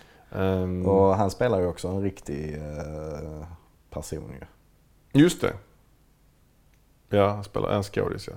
Ja, ja, Ja, alltså, ja, ja. ja. Jo, alltså den, den här serien som de spelar in fanns ju på riktigt. Lancer heter ju den ja, ja, serien. den ja, precis ja. ja, så exakt. både, både han, eh, Luke Perry och eh, Timothy, Timothy Olyphant. Olyphant ja, Ja. eh, gör ju riktiga personer. ja, där är ju en sekvens där de spelar in en scen i den här cowboy-serien då, Lancer. Mm. Där man får liksom... Det är en filminspelning men det känns som att vi tittar på en we- westernfilm för vi får Mm. liksom inte se teamet eller något sånt utan det är ju som en scen vi kollar på Mm. tills den avbryts och han tappar repliken. Liksom. Mm. Också med trailern så det är ingen Mm. spoiler så men det är ju rätt coolt liksom. Mm. Det är coolt gjort. Ja, det är väldigt, väldigt roligt, det är ju med i trailern också, men när Mm. den här lilla flickan liksom be- berömmer honom Mm. för hans skådespelarinsats. Mm, liksom. Och att han verkligen så bara eh, Bryter tar- ihop. bryter ihop och blir, liksom bara tar det till sig så himla Ja, mycket. Liksom. Nej men Ja. eh, Leonardo gör en jättebra eh, rollprestation tycker jag. ja. Det, ja men precis. Ja men jag tycker det här var, det, jag, tycker, jag, tycker, jag tycker den var bra. Jag tycker den var bra. Den har Mm. fått lite blandad kritik. Mm. eh, Men ja, ömsom ris, ömsom Bland annat en etta. Ja precis, i Sydsvenskan. ja, nej men jag, jag, jag, tycker, jag tycker om den. Jag gillar den, Jag vill se om den, jag gillar slutet. Vi kan, det känns inte som vi kan prata om det. Nej. Men det, det, det ger, det ger liksom en extra touch till det hela. Ja det gör det. Ja. Det gör det absolut. Um, Ehm, Ska vi kanske spekulera lite grann i... Nu, Tarantino har ju sagt att han ska göra en film till bara. mm. Han ska göra tio filmer. Han har redan gjort tio filmer, men han ska göra en till ändå. Ja, precis. Kill så det är bara en film till han ska göra. Vet vi någonting om vad det blir för något? Det har ju ryktats lite grann. Mm. Eh, ett tag ryktades det om att han skulle göra en tredje Kill Bill, men det kommer nog inte hända. Det Nej. känns tradigt och... Det, ja, men det kommer han inte göra. Det Mm. tror jag inte. Sen har det också på senare tid ryktats att han ska göra en Star Trek-film. Just det. Eh, jag tror inte han kommer göra det heller. Nej. Jag tror faktiskt inte att det kommer att bli så bra. Eller jag tror det kommer att bli bra, men jag tror... Jag vet inte. Alltså han, han har ju sagt att han, vill göra tio, tio filmer. Liksom. Det ska vara hans filmografi. Mm. Och det känns ju som att man vill sluta... Kanske inte sluta med en franchisefilm som... Nej, precis. Alltså- det, det känns ologiskt. Han Alltså- har inte gjort någonting sånt ju. Nej, nej, han har aldrig gjort något sånt. Han, Nej. han han har ändå blivit erbjuden olika... Ja, och han har referenser till Star Trek, både Kill Bill och, och Ja. eh, någon annan film vill jag minnas. Okej, vad, vad är det för... Ja, det är något citat, något Klingon-citat i början Ja, på det Kill har Bill. han. Ja, just det. Men, just det. men, eh, men eh, alltså, jag tror det hade blivit coolt att se en, en Star Trek-film av Tarantino. Mm. Jag tror ju inte han hade haft den typen av dialog som han har i Pulp Fiction. Nej, han hade nog gjort det rätt så fyndigt liksom. Ett tidshopp Mm. och sånt funkar ju i Mm. Star Trek. För det är ju mycket tidsresor och sånt ju. Mm, mm. Men jag tror som sagt inte att han vill så att säga slösa bort sin sista film på en Star Trek-film. Jag kan tänka mig däremot att han är med och gör ett manus kanske Ja. till en Star Trek-film. Och därmed går runt det på det sättet. Ja. Är det JJ Abrams som eh, ansvarar för den franchisen eller? Ja, det, just det. Han har, han har inte gjort senaste filmen men Nej. eh, just det där skulle, Mm. skulle vara ett samarbete. Tarantino och JJ Abrams är väl eh, ganska goda vänner tror jag. Ja. De har ju arbetat tillsammans på Alias Mhm, också. mm, Han eh, har ju spelat en, en roll där. Just det, just det. Men eh, han skulle kunna göra en romcom. Romantisk komedi. Tarantino. Alltså en dialogdriven, Ja. screwball-aktig komedi. Ja, Fast det Ja. känns som att det hade blivit en Bröderna Coen-film på något sätt. ja, Eller jag vet ja, inte. Ja, ja visst. Det var kul om man gjort något helt radikalt annorlunda. Ja, En sån Bergman-aktig film. ja. Svartvitt Ja, liksom. men det skulle kunna vara intressant alltså, om han skulle försöka ge sig på något lite djupare som inte fokuserar så mycket på våld kanske. Mm. Ehm, Att de inte har det här liksom ett mer ironitouchen Ja, utan precis. bort allt det där liksom. Ja, skippa komedin, skippa våldet, gör något lite mer eh, Mm. introvert eh, djupt, djupt drama. Det hade varit en utmaning ju, tror jag. Ja, det känns ju som att han gillar att utmana sig själv. Mm, mm. Ja, det är svårt. eh, Det är svårt att se om såklart och det kommer Mm. väl dröja ett tag innan vi får veta vad det blir. Eller så gör han bara någonting där han kopplar ihop alla sina filmer. Vi har pratat om att det finns lite olika kopplingar. ju. Jo, Så, jo, jo. Det är sant. I, I till exempel eh, Hollywoodfilmen så är det ju också en scen med stuntmän ju. Mm. Eh, Alltså Cliff Booth då som spelas av Brad Pitt är ju Mm. stuntman då liksom. Och, Mm. och ehm, han får ju då jobb av eh, en annan stunt coordinator Mm. som spelas av Kurt Russell. Ja. Som då skulle kunna vara kanske pappa till eh, Kurt Russells karaktär i Death Proof. Mm, precis. Är det ju någon som har kläckt en Ja. sån teori. Och hon ju... Och, och, och frun då till Ja. Kurt Russell i Hollywood spelas ju av Zoe Bell. Ja, Ja. som är stuntkvinnan där i Death Proof också. ja. Ja, det är sant. Ja. Men jag tror ändå inte han gör det. Alltså det här med shared universe och skit, det är ju så uttjatat nu med Marvel och alltihopa. ja, ja. Nej, det, det tror jag inte. Jag, jag, det hade kul om man hade gjort som du säger, kanske någon mer djupsinnig dramafilm. Jag, jag vet inte. Fast samtidigt, varför skulle han göra det? Ja, varför skulle han göra det? det är jag, inte tror, det han jag, gillar. jag, tror, liksom. jag, tror hans, jag tror hans nästa film också kommer vara en, en film som utspelar sig i en historisk tid. Alltså Mm. kanske 70-talet eller 80-talet. Nej, Tror 70-talet. det, tror det. Kanske. I och med att han har gjort det så mycket så skulle han inte... Ja, försökt han, har väl aldrig gjort en film som utspelar sig på 70-talet egentligen? Nej, det är möjligt att han tar nej. Utan de har väl utspelat sig på, i så kallad nutid men Ja, känns ja. som 70-tal bara. Liksom. Ja. Så det, det tror jag hade varit, kunnat vara rätt så, rätt så kul att se. Mm. Kanske Mm. inom någon viss yrkesbransch eller något sånt. Jag vet Mm. inte, journalistbranschen kanske. Mm. Det hade kunnat vara rätt kul. Uh, någon thriller inom det kanske. Mm. Mm. Ja, jag vet inte. Vi får se. Vi får se. Framtiden får utvisa. Eller bara, ja, nej jag vet inte. Alltså jag tänker någon form av science fiction men eh, Nej, jag tror jag har svårt att tänka mig att han skulle göra en science fiction-film. Skräckfilm. Jag vet inte. Han har gjort Death Proof. Det är väl det närmaste man kan komma. ja precis. Eh, jag, tror, jag tror inte på... på jag, tror, jag tror nog eh, någon sån... Eh, 70 För han har gjort krig och han har gjort western. mm. Han har gjort heist. Ja. Han har, han har gjort så mycket med poliser direkt.